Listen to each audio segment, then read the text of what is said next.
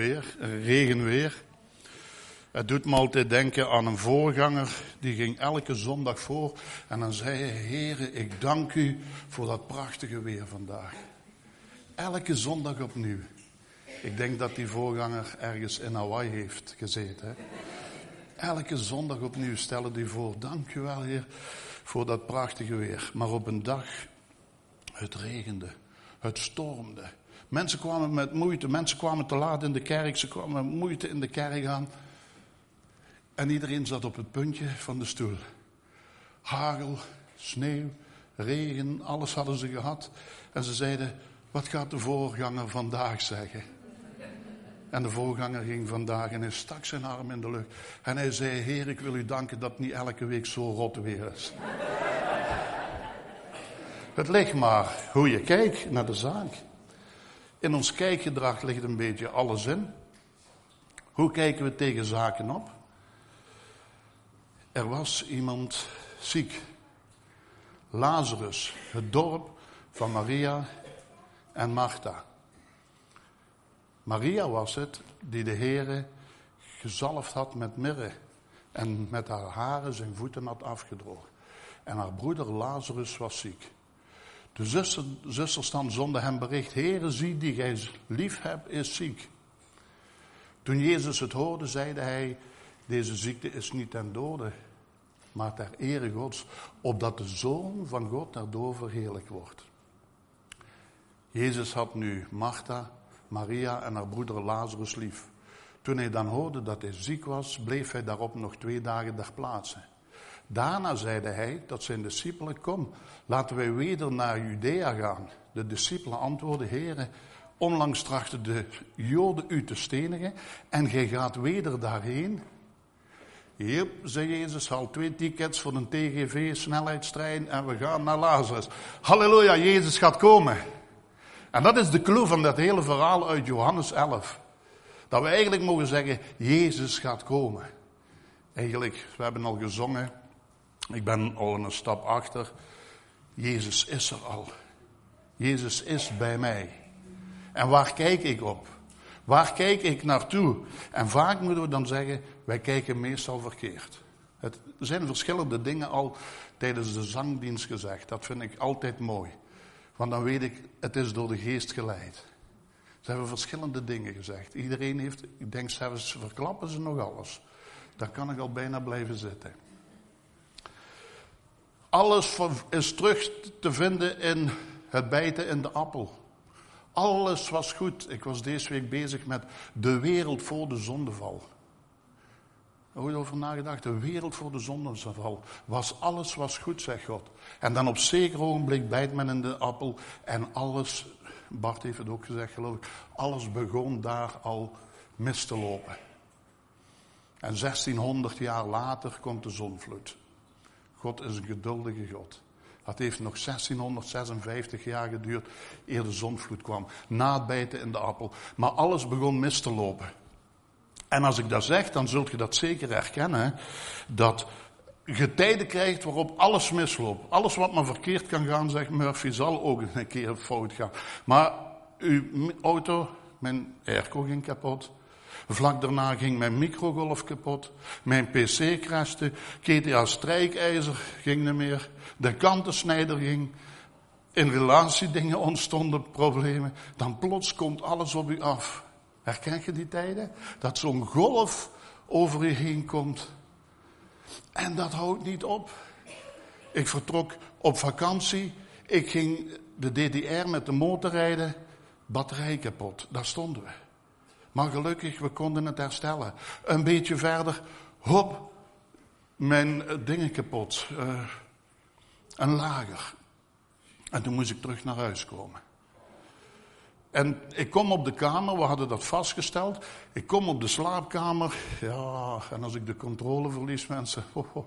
dan, ben, dan ben ik niet meer bergje, maar dan ben ik al beer. Ja, dat weet ik. dan ben ik niet meer. Ik denk, hoe moet dat nu? Ik denk, ach, gelukkig, ik heb nog een mobieletje.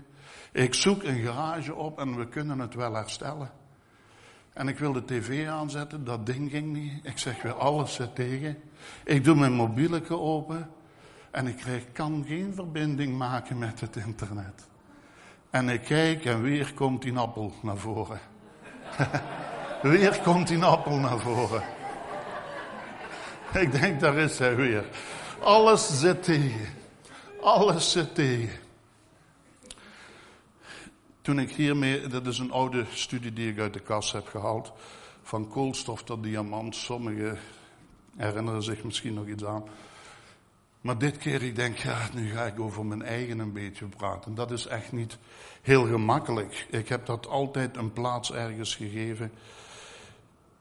Ik was zeven jaar, als je spreekt over alles tegenzet. Ik was zeven jaar, ik stond op straat en ik zag hoe ze de meubels kwamen ophalen van ons huis. Mijn vader had een garage en die was failliet gegaan. En vroeger was dat zo, ze waren keihard. De grote wagen kwam en ze, alles ging daarin. Ik zag dat heel ding gebeuren op straat. En ik kwam in een weeshuis terecht. Mijn moeder, mijn vader vertrok naar Antwerpen. Hop, Noorderzon verdwenen. En mijn moeder kon niet meer verder voor drie kinderen zorgen. Dus ik kwam in een weeshuis terecht. Twee tot drie jaar heb ik daar gezeten. Ik voelde me op dat ogenblik als kind, als ik het zo analyseer, een vijfde wiel aan de wagen. Verworpen door iedereen. Heel af en toe kreeg ik daar bezoek. Mijn moeder werkte zeven dagen op zeven in een bedrijf en kon er bijna nooit zijn. En via iemand anders had ik een verrekijker gevraagd. En, en dat staat sommige dingen van uw jeugd staat zo op dat netvlies. Hè? Geschreven of geprint. En ik kreeg die, die verrekijker. En dat was zo'n grote slungel van het zesde studiejaar. Die nam die af, die ging op een muurtje staan. En ik wilde mijn verrekijker terug. En hij zegt, als je komt, sla ik hem aan dingelen daarheen. En ik ging en hij sloeg dat ding. Dat was een drama voor mij. Dat ding was kapot. Mijn hele wereld zakte gewoon in elkaar. Als er iemand wegging uit het weeshuis, dan kreeg hij altijd een geschenk van, van de kinderen mee. En op zeker ogenblik ging een van mijn vriendjes weg en ik had niks. Dus ik ging in de kas, zo naar de andere zijn kas, pakte daar een autootje en gaf dat mee. Paar jaar later kom ik thuis, verongelukt mijn broer dood. Hij was 19 jaar toen. 14 jaar, ik ging uh, winkelen, ik ging werken. Ik had een enorme leerstand op, achterstand opgedaan. Ik, ik had twee, twee, drie. Ik heb alleen het lager onderwijs gedaan. Ik maak nog altijd schrijffouten. Mensen die mailtjes krijgen van mij, soms spreek ik zelfs dt-fouten, dan hoort je dat. ik ging trouwen, een jaar of een half jaar daarna sterft mijn moeder. In datzelfde jaar was er, uh, mijn auto werd drie keren per totaal gereden voor de deur. Drie keren door dronken mensen. Pats, pats, een half jaar later weer. Die stond op de weg geparkeerd, ze reden daarin. De derde keer reed ik naar de voorganger. Er komt een 2 pk gereed voor me, die stopt midden op de weg, zet hem in de achteren. Pats tegen me op. Die vrouw stapt eruit in dronken toestand. Ik denk, hoe is het mogelijk? Drie keren op een jaar. Mijn huwelijk stond een paar jaar later. Een paar jaar later stierf mijn vader en op 43-jarige leeftijd kreeg ik een open hartoperatie. En tal van jaren daarna heb ik buisjes, twee, twee valse tanden, een hoop stands en een hoop meer allemaal in mijn lijf zitten. En als ik dat zo ga opsommen, dan heb je de neiging om heel zielig te worden, om heel depressief te worden, om te zeggen, arme ik, ik heb het nooit gedaan, maar nu in die studie kwam dat naar boven en ik kon het niet ontwijken.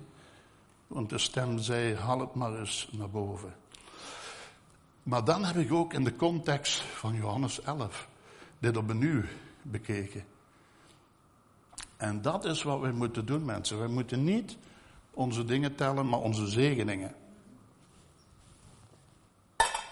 Ik heb ook de Bijbel, dat merk. Dat is niet van de zenuwen, dat is iets aan de spieren. Laat maar opnieuw gaan. Zeven jaar. Men kwam de meubelen ophalen. Zoveel jaren later heb ik alles wat mijn hart verlangt. Ik heb alles wat mijn hart verlangt. Ik heb een motor, hobbykamer, gitaar, muziekinstallatie, noem maar op. Ik kwam in een weeshuis terecht. Ik heb een thuis bij mijn vrouw gevonden. Helemaal veranderd. Ik voelde me als het vijfde wiel aan de wagen, verworpen. Ik heb daar heel veel last mee gehad. Ik was 40 jaar, ik had rode haren. Als iemand zei tegen mij, hé hey, rode, ik was al 20 jaar christen, maar ik zat met de knieën op hem. En dat komt vanuit dit gevoel. Van hieruit kwam dat. Als die rode zei, dan, dan wilde die eigenlijk zeggen, wij zijn allemaal hier, maar jij zij daar. Op school was dat al. Wij komen uit een bloemkool, maar jij niet, jij komt uit een rode kool.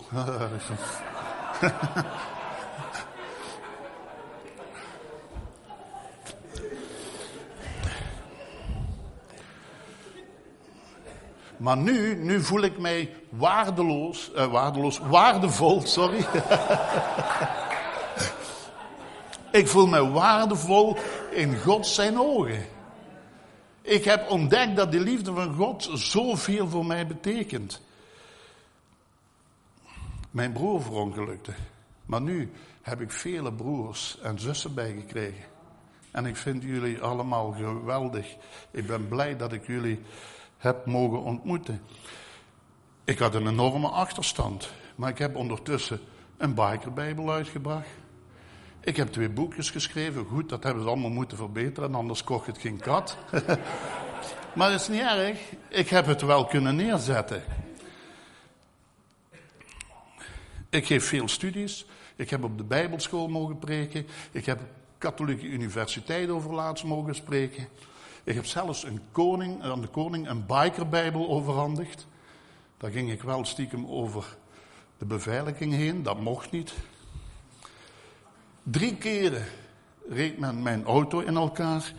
En het is niet om te stoeven dat ik dat zeg. Maar ik won in mijn leven vijf nieuwe auto's. Nadat dat gebeurde is, heb ik vijf hele nieuwe Sierra's, Mondeo's gewonnen. Splik, splinter, nieuwe auto's heb ik gewonnen. Wie zei dat straks? Een maat over aangedrukte volle maat geeft God u terug.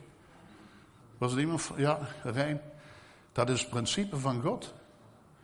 Als je potje meel pakt en je zet dat potje meel vast, dat weegt 200 gram. Hetzelfde potje dat God je teruggeeft, is even groot, maar het weegt 300 gram.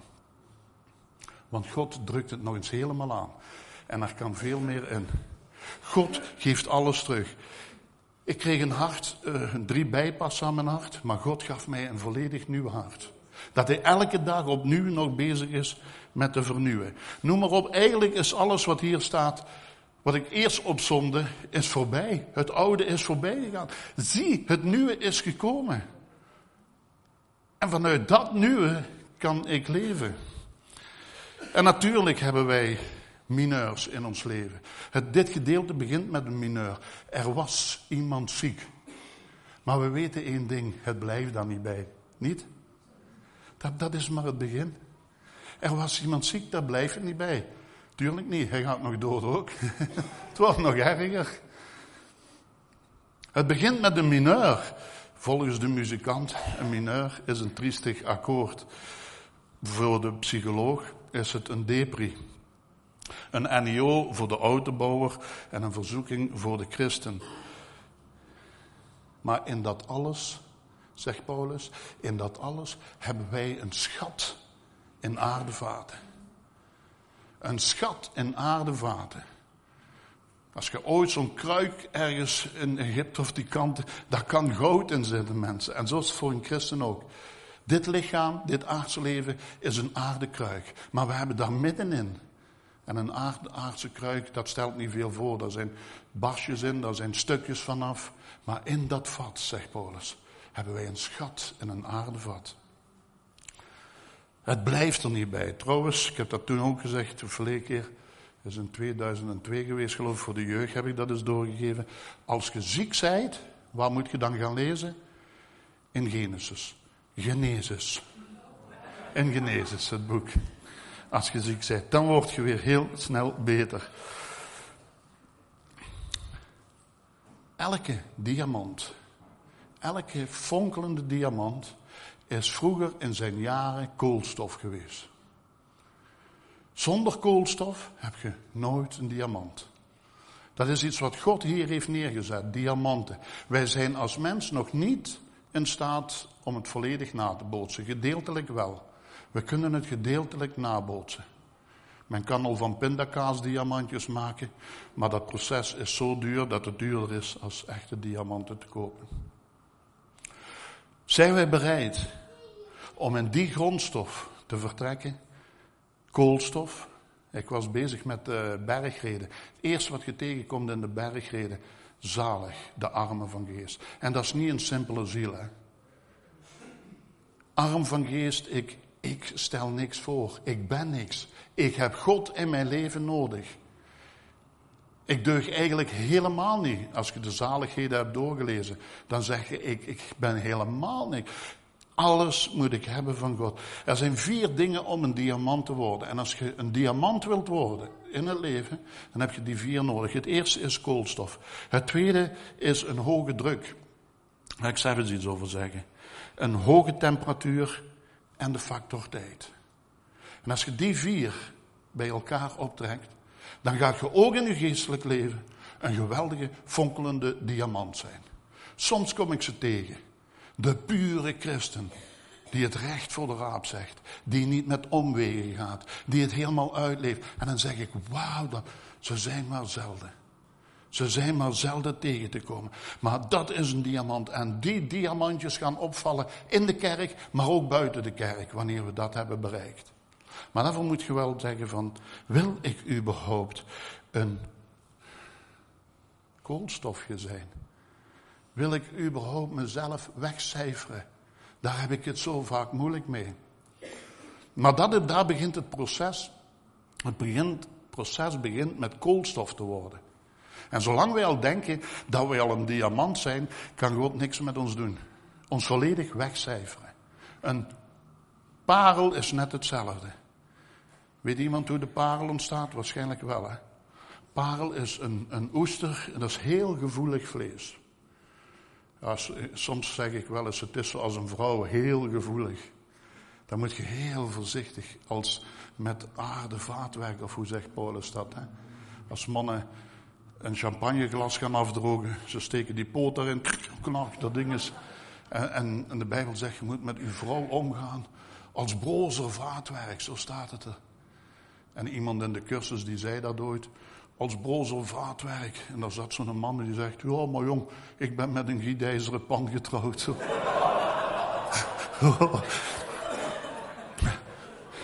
maar het moet eigenlijk helemaal uh, in die sfeer beginnen. Een oester, die oester die is zo gevoelig en daar komt een heel klein zandkorreltje komt die oester binnen.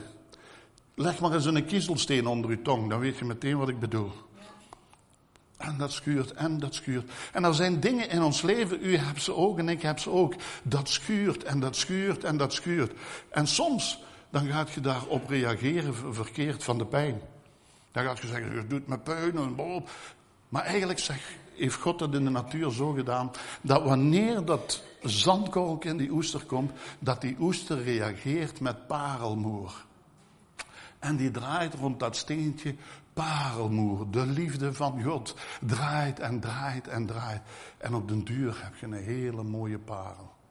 Nooit een parel zonder irritatie. Nooit een diamant zonder koolstof. Of een NEO of een mineurtoestand. Je kunt daar niet ontsnappen.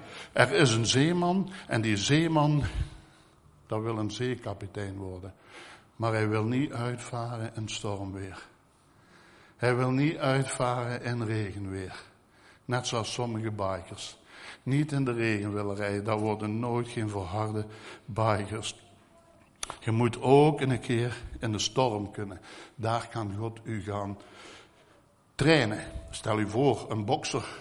Ik wil boksles volgen, meneer. Kom maar goed in de ring. Die krijgt daar een uppercut. Die ligt tegen de grond. Die staat recht en die zegt tegen die leraar: uh, Meneer, heb je ook een theoretische cursus over boksen? Dat zal nooit iemand worden die het zal slagen. En zo is het in ons christelijk leven ook. Dit is een leidraad. Maar in de praktijk gaan we wel weten in te vullen. En dat is een harde soms. Maar je gaat gevormd worden naar een diamant.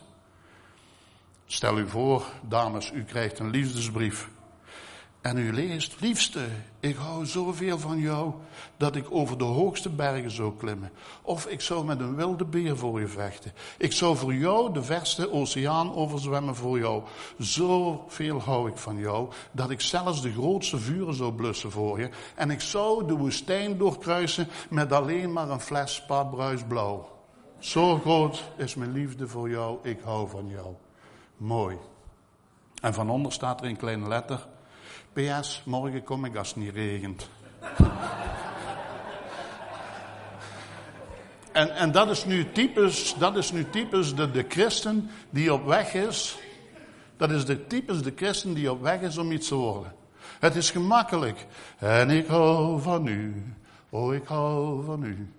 I love you, Lord. And I lift my voice. Maar het minste wat er tegen zit, ik lees de Bijbel meer, ik ga niet meer naar die kerk, ik wil niet meer. Zie je, ik hou van u, is gemakkelijk. Als je dat twintig keren zegt, dan zegt zelf de papegaai dat. Ik hou van u.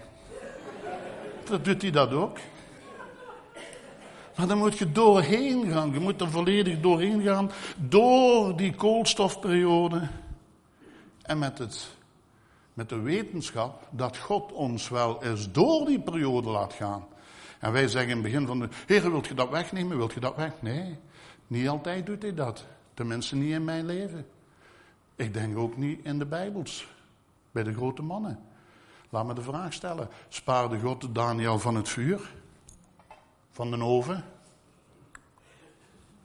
Nee, absoluut niet. Integendeel. Wat zei hij? Ik maak die oven, stook die nog twaalf keren geloof ik hoger.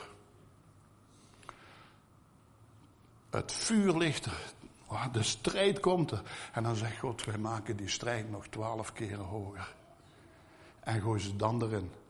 Maar toen ze eruit kwamen, geen brandgeur aan hun. Hoe ik hier ben uitgekomen, en misschien hier en daar nog een brandgeurtje van mijn verleden, maar heel veel van die brandgeuren van mijn verleden is weg. Af en toe duikt dat nog wel eens op. En dan moet ik zorgen dat die geur ook weer wegkomt. Wij moeten niks meer merken van elkaar, van ons verleden. Dat is voorbij. Wij zijn vernieuwd. God laat ons daar wel doorgaan en hij verhardt ons en hij maakt ons totaal anders. En dan krijgen we les 2 van 24, les 24. Les 2. De zussen dan zonden hem bericht. Iemand moest daar twee dagen gaan lopen. Als hij rijker was, had hij een kameel. Dan had hij een kameel en dan kon hij naar Jezus toe gaan. En anders moest hij een dagreis maken van twee dagen om tot bij Jezus te komen. Als wij berichten sturen de dag van vandaag, vroeger was dat met paard en ezel, vanaf de jaren 60 denk ik, was dat met een postzegel of met telefoon. Vandaag de dag is dat e-mail, sms, fax, gmail, twitter, facebook, whatsapp, messenger. Als ik tuut tuut zegt dat ding van mij en dan begin ik, waar is dat binnengekomen? Op welk van de, van de zoveel apps? Maar zij zonden een bericht. En berichten voor een christen en nu gaan we naar onszelf kijken. Berichten sturen voor iemand die ziek is in mijn omgeving. Ik heb het nog niet direct over mijn eigen. Dat is het gebed. Dat is het gebed, mensen. En weet je, dan worden we stil. Als ik daarover nadenk, worden wij stil. Hoeveel gebeden doet gij voor een ander in u? Ik zou het lijstje wel eens willen zien van iedereen. Soms zou ik willen zeggen zo, connect en we printen even nu uw lijstje uw gedachtenlijstje uit. Hoeveel bid gij voor uw mensen die langs u zitten? En hoeveel bid je voor uzelf? Dat is misschien 90 ten opzichte van 10 procent. Vaak wordt er hier gezegd, wilt je bidden? Of ik krijg een mailtje binnen, wilt je bidden? En dan moet ik mij onmiddellijk stoppen en gaan bidden. Want als ik het niet doe, dan weet ik nog niet meer dat ik een mailtje heb gehad om te bidden voor iemand die het heel moeilijk heeft. Hoeveel bidden wij voor elkander? Wie moet er überhaupt bidden in onze gemeente? Zijt je op dat niveau gekomen dat we zeggen we moeten allemaal bidden voor elkaar en minder voor ons eigen? Maar doen we dat ook in praktijk? Wie moet er bidden in een gemeente? Er was een vertegenwoordiger die komt, die verkocht uh, granen en die komt bij een boer, christelijke boer. En hij zegt tegen die boer, jongens, als je dat graan aan uw kippen geeft, zo'n eier. En geef je dat aan uw spek, aan uw, varkens, sorry. Geef je dat aan uw varkens, dan krijg je zo'n lappe spek. Alleen zegt die boer, dat is een wondermiddel, kom, ik ga dat kopen. Maar gelijk het altijd bij de boeren is, eerst aan tafel samen eten. En dan maken we een contract op. Dus dat wordt opgeschept. Boah, zo'n hoop, hij zo'n hoop. En die vertegenwoordiger die zegt, ja, strak kan ik hier iets vertellen tegen mijn collega's. Hè. Dat heb ik nog nooit meegemaakt. En op zeker ogenblik, die boer, die vouwt zijn handen.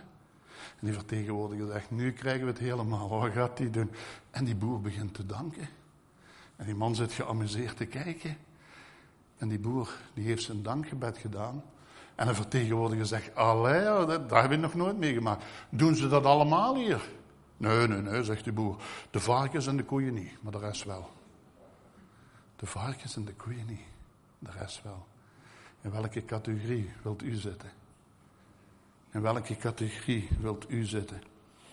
En bidden is zo simpel, mensen. Zo, ik kan niet over bidden uitwekken. Maar het is zo simpel dat je gewoon God verstaat wat je wilt.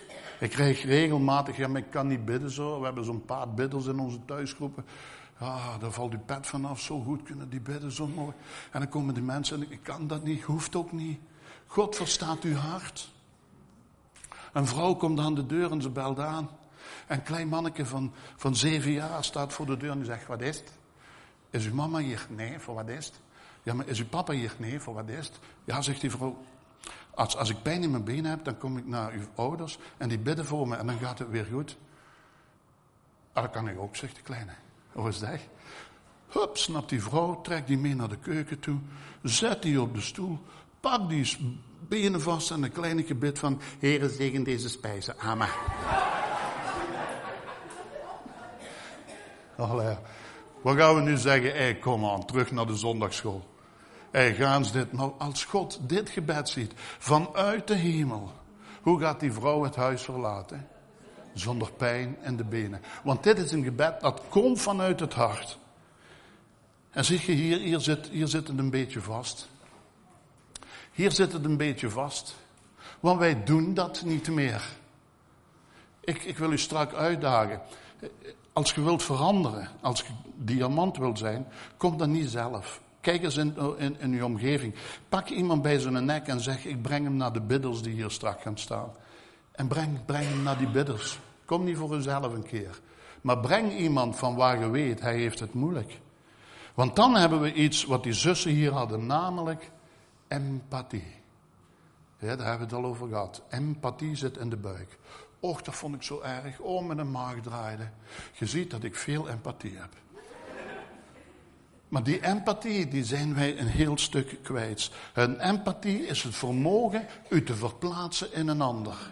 En niet meer in uw eigen miserie staan te kijken.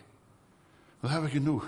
Iemand zei, als je alle miserie op een hoop zou gooien hier, en je zou terug moeten weggaan, dan zou je heel blij zijn dat je je eigen miserie mee terugpakt. Empathie zijn we kwijt. Een kind, een, een gedichtje van Toon Hermans vind ik altijd leuk. Een kind wordt doodgereden voor je deur. Een pukkie mannen kijkt ernaar. Dan komt de ambulance, het groepje gaat uit elkaar, want om zeven uur begint de Tour de France. Ziet je? Dat, dat is wat we kwijt zijn. Oh, ja, het is de menus of de Tour de France gaat beginnen, het sport. Afscheid van Marie. Ik heb haar naam geschreven met mijn vinger in de sneeuw. Marie, lieve schat, ik zal het nooit vergeten dat ik toen zo'n koude vinger had. Dat is empathie. We zijn altijd met ons eigen bezig. Ik heb ontdekt dat mijn probleem het grootste probleem van deze hele kerk is. Mijn probleem is het grootste probleem Want ik heb er strak mijn nagels geknipt. Ik heb even in mijn vel. Oh, dit is mijn probleem. Ik heb het letterlijk meegemaakt toen ik in 2000 in het ziekenhuis lag. Ik had drie bijpassen gekregen. Ik was helemaal opengezaagd. Niet dat dat zo op bezoek open stond, hè. ik liet niet alles zien. Maar ik lag aan een beademingstoestel. En er komt een goede vriend binnen. Hij zegt, hey, het gaat. Als dat ding weg is, kan ik zelf ademen. Het begint beter te gaan. Hoe is het met u? Maar jongen, ik aan de rand heb ik een steenpuis in mijn nek. En als ik in de auto zit en ik draai, dat schuurt tegen mijn kraag. Dat ding, dat staat zo onder spanning, dat staat op springen. Wow, dat zal zeker een week lang. Zijn puis was het grootste probleem.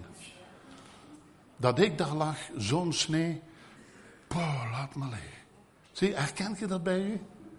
Ik had toen s'morgens, dat was nog ergens, s'morgens kwamen de verpleegsters, een, snee van, van 60 centimeter.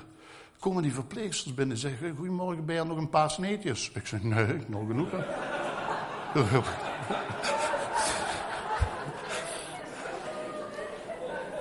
We hebben al genoeg gehad. Het verdwenen gevoel is het gevoel van de empathie. Als onze tv-afstandsbediening kapot is, dan is dat erger dan wat we net op het nieuws hebben gezien met mensen die sterven van de honger, mensen die verdrinken, mensen die verbranden, mensen die doodgeschoten en gebombardeerd worden. Dat vinden we veel erger. Nee, mijn tv-afstand is kapot. En mijn wereld vergaat op dat ogenblik. Zo ver zijn wij geraakt in deze wereld. Moest God deze empathie op dit ogenblik hebben waar wij alles schapen. God is 24 uur met ons bezig en niet met zichzelf. Het ergste wat mij is overkomen, of een van de ergste dingen, is 20 jaar geleden, toen, toen ik ongeveer deze studie aan het maken was. Toen reed ik op Fort nog, toen werkte ik op Fort met zo'n elektrisch scriptootje. En ik reed altijd zo door de hal, waar mensen aan, het werken. Hé, Jeff, hoe is het goed? Ja. Zeker ogenblik steek een vrouw over. Ik zeg, hé, hey, alles goed? Nee, zegt ze. Ik denk, wat een dingen. Ik ga door, ik doe daar iets en ik kom terug. En ik denk, och, ik ga me een choco pakken. een choco van, laat me zeggen, ik rond het even af. Uh, op nu 10 cent. In die tijd. Pak nog 20 cent. Dus ik ga naar de automaat. En ik steek 20 cent in. En daar komt weer dat vrouwke voorbij. Ik zeg, hoe komt het? Niet goed. Nee, zegt ze, ik heb veel problemen.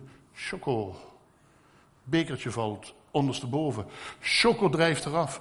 Die vrouw zegt tegen mij, nee, mijn kind hebben ze doodgereden gisteren. Die is bij drie jongens in de auto gaan zitten, 16 jaar. Ze hebben een ongeluk gehad en mijn vrouw en mijn kind ligt op sterven. Ik denk, stom apparaat. Kun je nu niet een keer? En op dat ogenblik, alsof ik een oorveeg uit de hemel kreeg.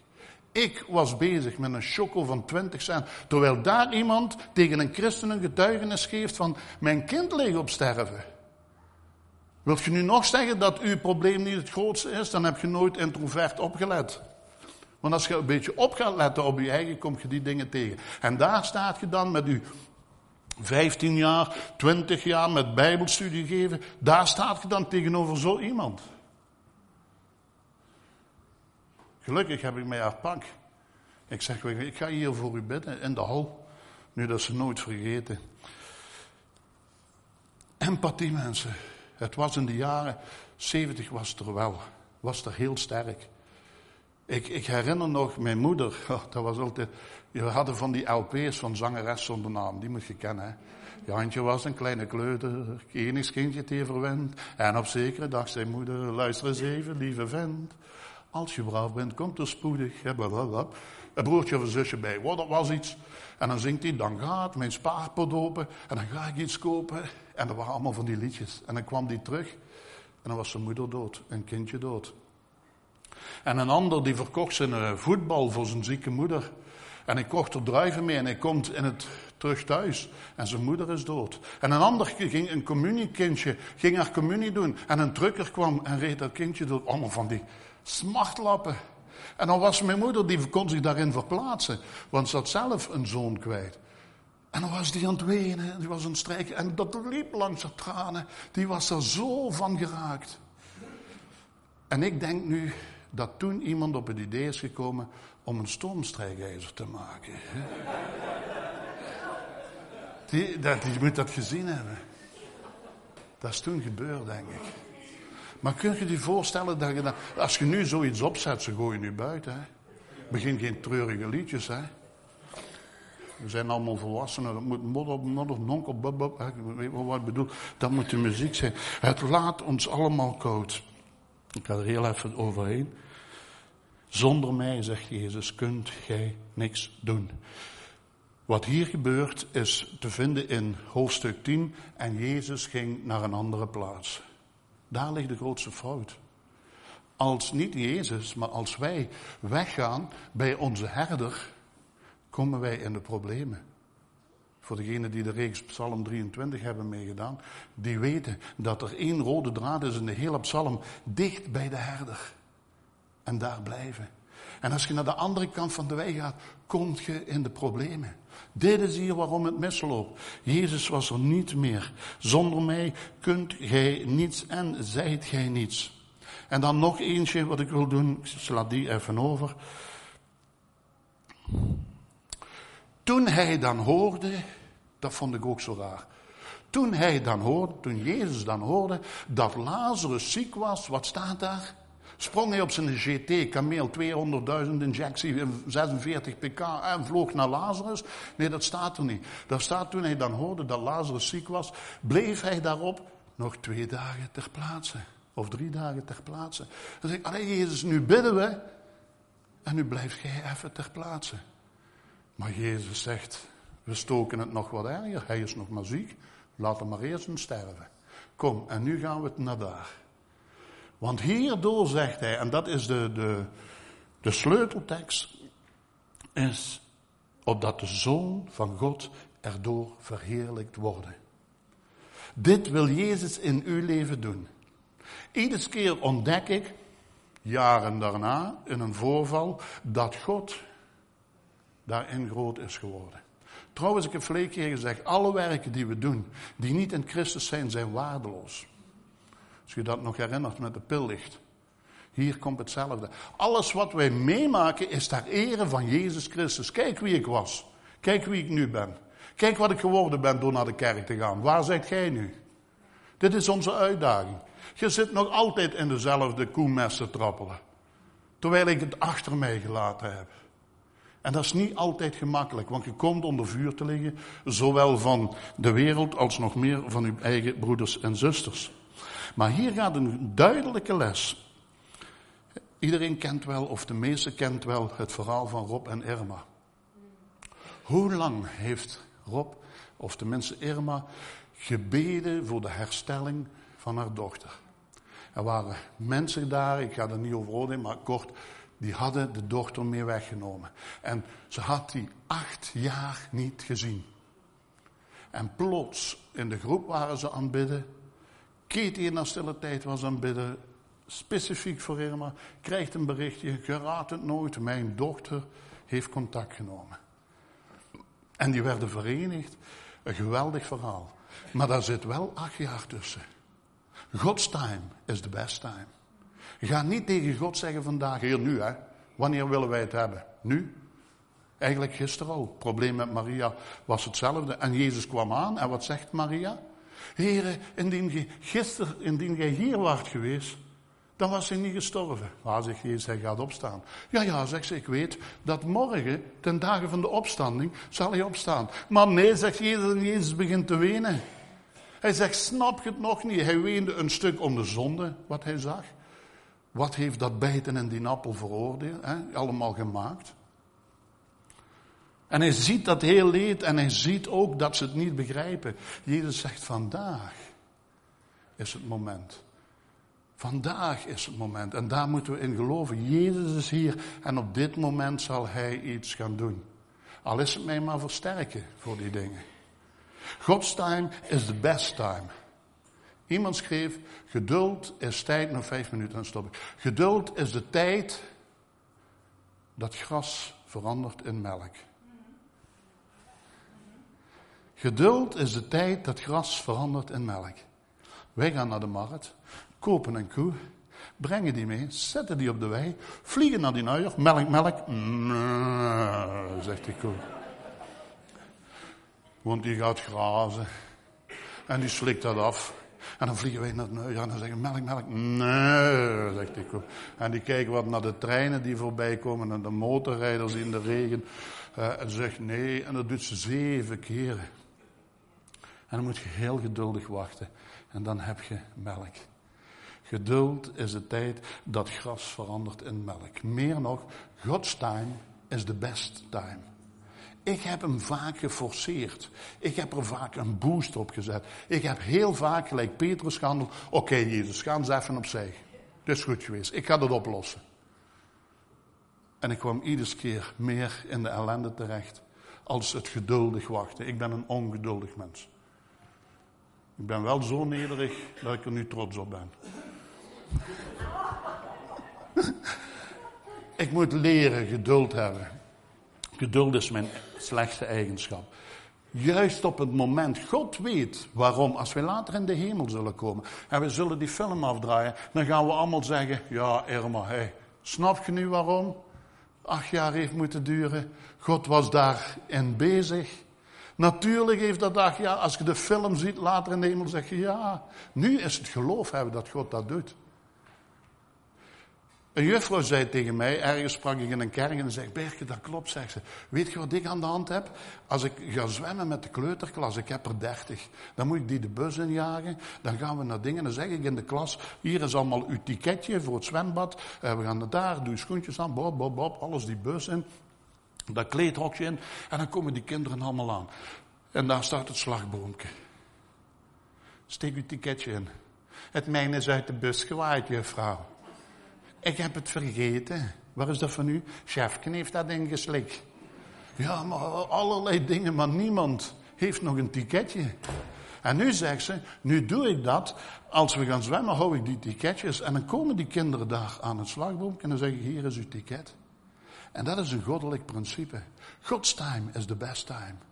Hij bewaart dat ticket. Totdat je aan het slagboompje komt en je zegt, ik ben er helemaal klaar voor nu. Alsjeblieft, zeg God, hier is uw ticketje inklikken en zwemmen. Zie je, dat, dat is het, het, het zo moeilijk. Geduld is liefde die in een moeilijke situatie tot uitdrukking komt.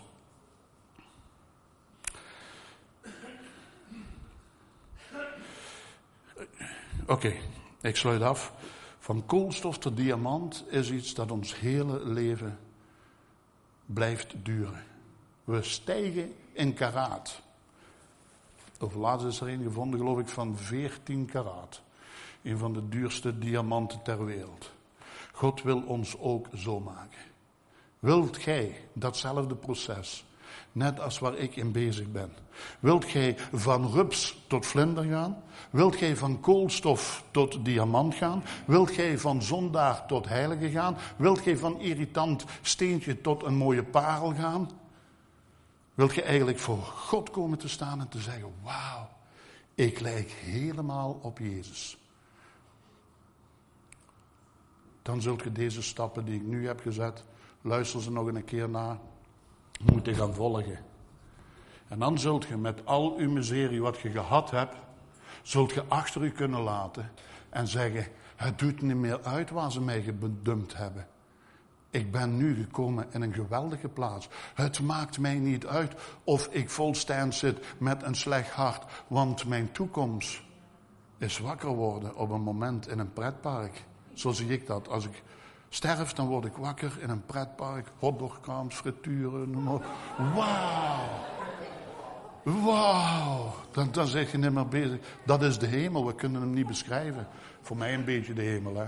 Kan ook heel anders zijn. Ik hoop geen reispap, want oei.